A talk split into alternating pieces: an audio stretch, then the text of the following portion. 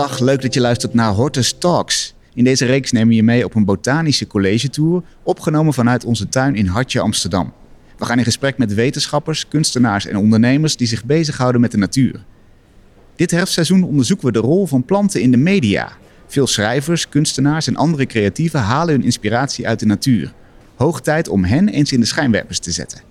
Ik ben jullie host Luc Hezen en vanavond nemen we een speciale aflevering op, namelijk live tijdens de 22e editie van Museumnacht in de Hortus op 5 november. Ik praat met drie inspirerende kunstenaars die hun werk hier exposeren. Als eerste Claudie Jongstra.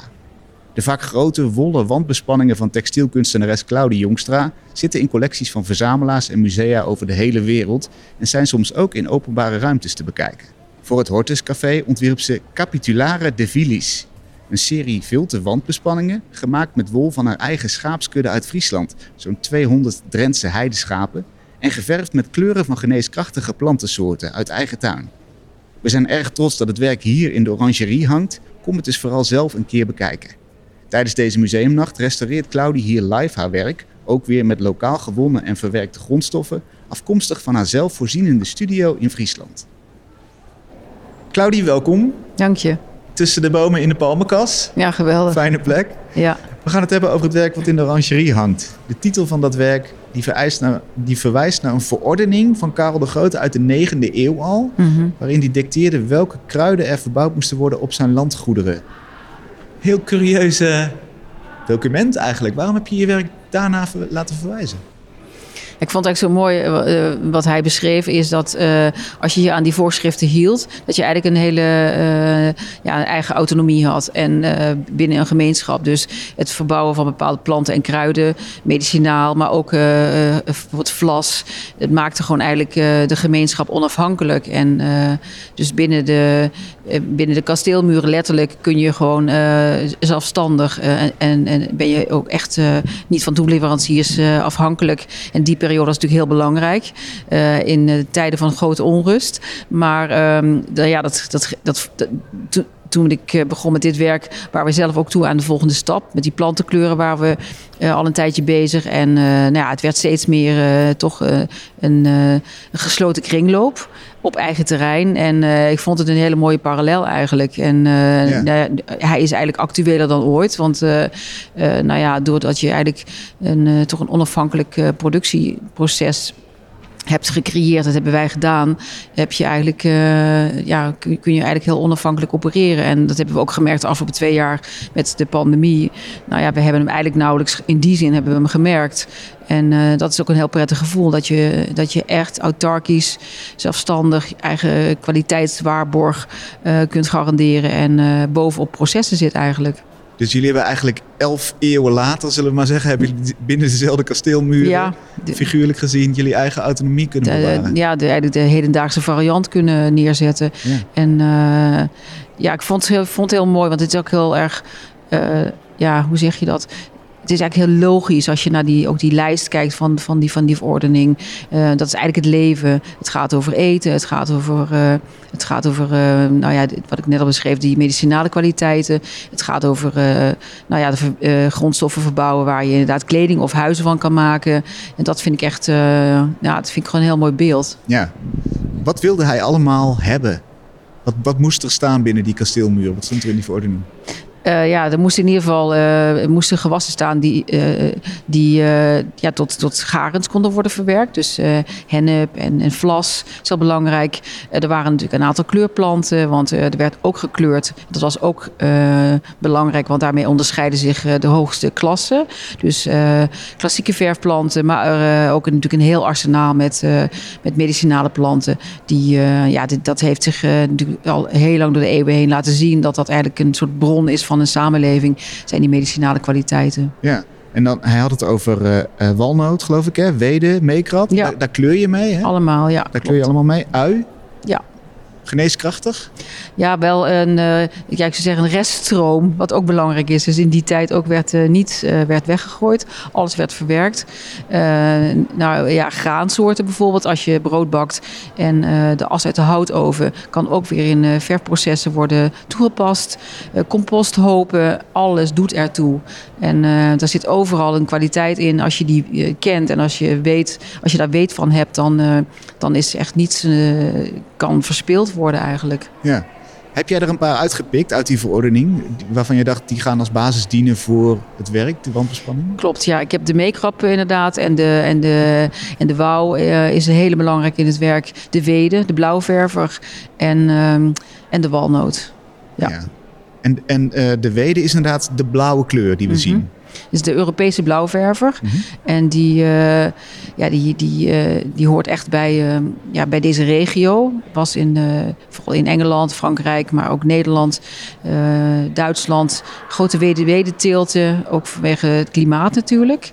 En het was, uh, het was een, plant die eigenlijk uh, twee, die is tweejarig. En uh, het eerste jaar dan kan je van, van een teelt kun je vijf keer een snede gebruiken. Dus je hebt ook hoge opbrengst. En dus het is ook een, in die zin denk ik ook een, een, een economische plant. Want je kan er dus eigenlijk een heel lang seizoen kun je daarvan oogsten. En dan hebben we de walnoten inderdaad. Hoe zien we die terug?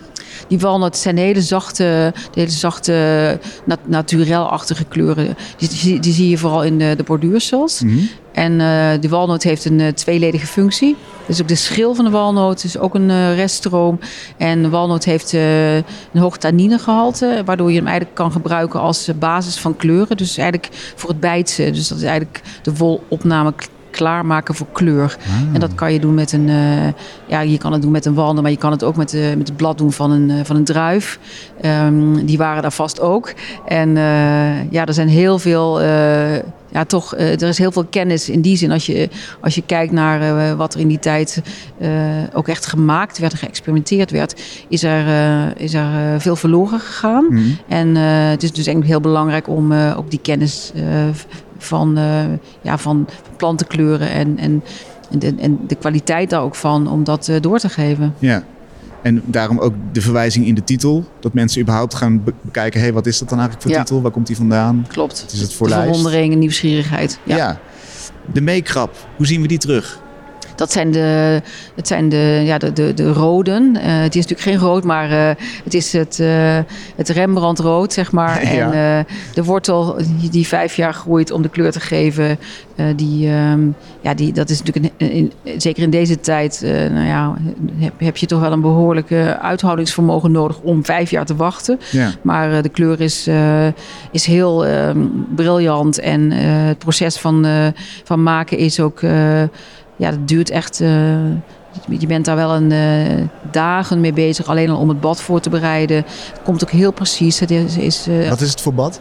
Het, is een, uh, ja, het heeft vooral te maken met de temperatuur. En als je dat, dat komt heel nauw. Want als je boven 65 graden gaat bijvoorbeeld, dan, dan toont hij heel dof. En ehm, dus je moet heel goed, je kan niet ondertussen andere dingen gaan doen. Dus, en en hoe laag mag hij worden? Waar, waar, waar ja, hij kan schommelen tussen de 60 en de 65. Oh ja. En, dus het geeft ook iets weer van die contemplatie, denk ik. Van, tijdens dat soort processen van maken werd er, uh, werd er ja, je, je, moest echt oplettend zijn. En je kunt absoluut geen, uh, ja, geen aandacht verspillen. En uh, je moet altijd waarnemen en, en reageren op wat je ziet en altijd ingrijpen. Dus je bent ook heel erg op de huid, zeg maar, letterlijk verbonden met het proces. En wat is dan de volgende stap? Dus we hebben dat bad. Uh, nou ja, dat bad, uh, dan, uh, en dan gaat de vezel gaat er dan in. En je mag ook niet, je moet ook heel zacht ook het water bewegen. En we hebben nu ons eigen bronwater in onze ververij. Dus ik heb ook gemerkt dat dat een hele grote invloed heeft op de kwaliteit van de kleur. Dus ik ik ben ook benieuwd uh, wat voor water er werd gebruikt in die tijd. Uh, ja, je had verschillende soorten. Uh, um, ja, je, je, kan zeewater gebruiken, maar je kunt ook water uit rivieren gebruiken. En regenwater. En ja, dat maakt allemaal, heeft allemaal die, die impact op die kleur. Welk verschil heb jij gezien in gebruik van water, in, in hoe de kleur zich gedraagt? Ja, vooral het zeewater, omdat er heel veel, veel mineralen in zitten, is het, heeft het een ja, heeft het een hele ja, diep warme uh, uh, ja, kleurtoon. Mhm. En uh, als je die naast het drinkwater zet, wat wordt dan heel erg flat en een beetje uitge, uitgebeend, Ja. ziet die kleur eruit. Omdat ik denk dat er natuurlijk, nou, ja, daar zitten natuurlijk gewoon kleur, bleekmiddelen in. dus dat heeft meteen impact op. op die, dat komt dus heel nauw. Die processen zijn dus heel bloot. Ja, ja perfect. En, en inderdaad, de ui. Hoe is die toegepast? Ja, dat is het. Uh, ook in het borduren, de briljante gouden. Uh, ja, dat is natuurlijk, vind ik ook echt nog steeds een fenomeen. Als je, uh, als je de kleuren echt ziet ontwaken, zeg maar, uit die schil in het bad. ja, dus die laat je drinken een tijd? Ja, die laat je inderdaad weken. Ja, die laat je weken en dan echt als een thee kun je hem inderdaad gebruiken. En dan de wede is de meest complexe kleur. Dat is ja, de blad, dat oogst je op het land. En dan moet je hem eigenlijk ook meteen verwerken op het land. Je mag er niet mee reizen. Oh. Omdat dat uh, meteen impact heeft ook op die, op die kleurkwaliteit. Dan gaat het al een beetje oxideren. En uh, dan wordt het verwerkt doordat je, nadat je hem gewassen hebt, wordt hij bijna gekookt. een bepaalde tijd. En dan moet die eigenlijk meteen worden gekoeld. En als dat koelen niet goed gebeurt, dus dat moment van koeling, wat zich verhoudt tot, die, tot, die, tot dat bijna dat, dat hete bad, dat is eigenlijk de, cruciale factor in, in, ja, in het vrijkomen van de kleur. En uiteindelijk laat je hem helemaal indikken en dan krijg je een soort slijk. En als dat droog is, dan heb je een, een poeder en dat is een pastel. En dat, is, dat kan je ook heel lang bewaren. Wauw. Dus dit, dit is gewoon een soort sterren koken eigenlijk. Je moet precies weten wanneer je iets terugkoelt, Ja, hoeveel ja. graden, Het is best complex. niet En verplaatsen. Nee, eh, elke plant heeft zijn eigen eigenaardigheid en een ja, specifieke handleiding. En eh, ja, die wede is wel echt, eh, spant echt de kroon. Is er één in het werk? Het is een im- immense wandbespanning eigenlijk. We, we kunnen er helemaal rondom kijken en overal Mhm. zien we dan iets. Is er één vierkante meter waarvan je denkt, daar moeten we beter naar kijken? Die is interessant. Dat is, die gaat me na aan het hart. Ik vind eh, vooral eh, ja, eh, aan de kopse kant met, waar de wede te zien is, ja, dat vind ik een, hele, vind ik een heel mooi stuk. Omdat het, ja, Waar beetje- zitten we dan? Ja, hij zit, hij zit een beetje verscholen. Even kijken. Achter de, achter de palm. Ja. Is hij een beetje verscholen. Dus je bent... ik kan hem goed zien, maar ook weer niet. En dus je moet een beetje inderdaad... je Boven best- een raam zit hij, hè? ja, Ja. Dat, dat zijn er twee. En ja, die hebben een, de, een beetje een soort een dramatiek heeft, eh, heeft het, eh, de schildering, zeg maar. En de, de, de textielschildering. En ik vind die wel echt... eh, wat hij ook zo ver, eh, verhuld is door die, door die grote palm... vind ik hem eigenlijk ook heel spannend. Ah ja, hij is af en toe even weg eigenlijk. Ja, Hij is ja. niet altijd helemaal eh, helder zichtbaar. Dus we hebben het gehad over de materialen eigenlijk die van Karel de Grote Mhm. komen, zullen we maar Mhm. zeggen. Ja. Eh, hoe zit het met de tekening? Hoe zit het met de figuren die we zien? Ja, dus natuurlijk eh, was het een hele mooie opdracht, omdat het zo refereert aan, eh, natuurlijk aan die, die botanische context hier. En ja, dat is natuurlijk, was één, dat is natuurlijk een juweel om zo'n werk hier te mogen maken. Het is echt, ik heb nog nooit een werk in een, in een kast gemaakt. En eh, ja, één keer in een restaurant, eh, wel ook, eh, ook in een kast, maar zeg maar echt met ook die historie en ook veel gesproken ook met, ja, met de mensen die hier werken, de conservatoren. En ja, dat is, er zit zoveel kennis. Ja, dat, dat is natuurlijk waar wij ook mee bezig zijn. Het behoud van kennis, het doorgeven en hoe archiveer je het. ja, dat, komt, dat, dat luistert heel nauw. En ja, ik vind dat dit is gewoon een schatkamer, echt, Ja. als je hier doorheen loopt. En hoe, hoe vertaalt zich dat beeldend? Wat heb jij daar gedaan in, qua vormen? Ja, ik heb, eh, eh, ben hier veel geweest en ik heb, eh, ben er ook op verschillende momenten geweest, verschillende seizoenen. En dat heb ik in me opgenomen en ik heb een soort abstracte vertaling gemaakt van het spectrum. Wat, wat, dus ik heb niet een letterlijke plant zeg maar nagebootst, maar het is vooral echt een, een soort van ja, globale taal, een, een imprinting. Die, die- dit, dit is een echo van, van, van de hortus. Zien we dan ook de vier seizoenen? Als we goed kijken? Ja, je ziet wel eh, de koelte, je ziet echt de, de- de- het nazomer. Dat is echt die hele rijpheid ook van vrucht, zeg maar. Dat zie je ook echt terug in die meekrap. Ja. En dan op een gegeven moment het begin. Het is een beetje dat hele zachte, als, dat, eh, als planten zich eh, net laten zien, als alles nog aan het ontluiken is. Dus je ziet wel, eh, je ziet wel een, ehm, ja, er zit wel een beweging in. Ja, precies. een seizoensbeweging, ja. En die begint bij de ingang, Ja, bij zeg de maar. ingang, klopt, ja. Dus, dus niet waar je je drankjes, je drankjes bestelt, Nee. maar aan de Ja. andere kant. Ja. En dan lopen we eigenlijk de, het najaar Ja, tegemoet. dan loop je daarin. Ja. Wat mooi. Wat mooi. En inderdaad, dit is een speciale plek. Je zei het al, de botanische Mhm. tuin is natuurlijk helemaal in lijn met wat jij met je werk probeert Mhm. te doen. Kennis vasthouden, ja. overdragen, uitbreiden. Zorgen dat dat niet eh, verloren gaat. Wat heb jij voor band met deze botanische tuin hier? Ehm, ja, ik, ben, eh, ik heb lang ook in Am- Amsterdam gewerkt, mijn atelier gehad. Dus ik, toen kwam ik hier ook vaak als een soort stilteplek. En eh, op een gegeven moment was er een, eh, was er een contact gelegd met de vorige directeur. En toen hebben wij ook het logo gemaakt van de winkel. En ja, toen, toen begon zich dat allemaal een beetje te, ja, te ontwikkelen. En nou, uiteindelijk ben ik toen gevraagd om ook voor Orangerie om na te denken over wandbespanningen. En ja, het is ook eh, het is, ja, het is een soort, bijna een soort. als je binnenkomt, ook je voelt echt. eh, het heeft iets sacraals. Ja, Ik vond ook dat het, wer dat het werk zich daar ook eh, toe moest verhouden tot, die, tot ja, het gebouw. En dat is, dat is zo'n speciale sfeer. Dus ik heb dat wel geprobeerd om, eh, om het toch ingetogen te houden met een rijke ornamentering. Want ik vind ook dat hier een heel rijk, eh, niet alleen gedachtegoed, maar een heel rijk erfgoed eh, is, is hier aanwezig. En ja, dat heb ik geprobeerd uit te drukken in het werk ook. en hoe doe je dat dan? Want je moet iets maken wat bijna een hele ruimte vult, maar tegelijkertijd dus op de achtergrond blijft. Ja. Op een bepaalde manier. Dat is ook niet mak eh, dat is eigenlijk niet moeilijk, omdat plantenkleuren en de, de natuurlijke materialen eigenlijk een hele bescheiden rol altijd innemen in, eh, in een ruimte. Dus eh, als ik, als ik het werk, eh, ik denk als ik het werk bijvoorbeeld helemaal had gemaakt van de, met weden, dus helemaal in, met de blauwe ververs, dan had, je, dan had het zich toch gevoegd in een bepaalde sfeer. Dus het neemt altijd een beetje de temperatuur aan, zeg maar, de, Mm. de geestelijke temperatuur van de ruimte.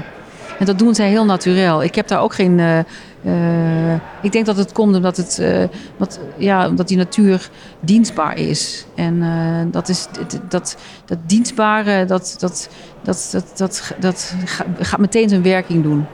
Dat maakt het eigenlijk een best een makkelijk materiaal dan om mee te werken. Het is, ik hoor zelden dat mensen zeggen, als ik een werk maak in een, in een, gebouw of bij een particulier, eh, dat ze zeggen, zo, ik moet wel heel erg aan wennen. Maar ik ze zeggen altijd alsof het er altijd was. Nou ja, wat de natuur is natuurlijk. Ja, precies. Ja. Ja. Ja. Ja. Hoe bijzonder is de wol die je gebruikt hebt? Want die is ook van eigen kudde, hè?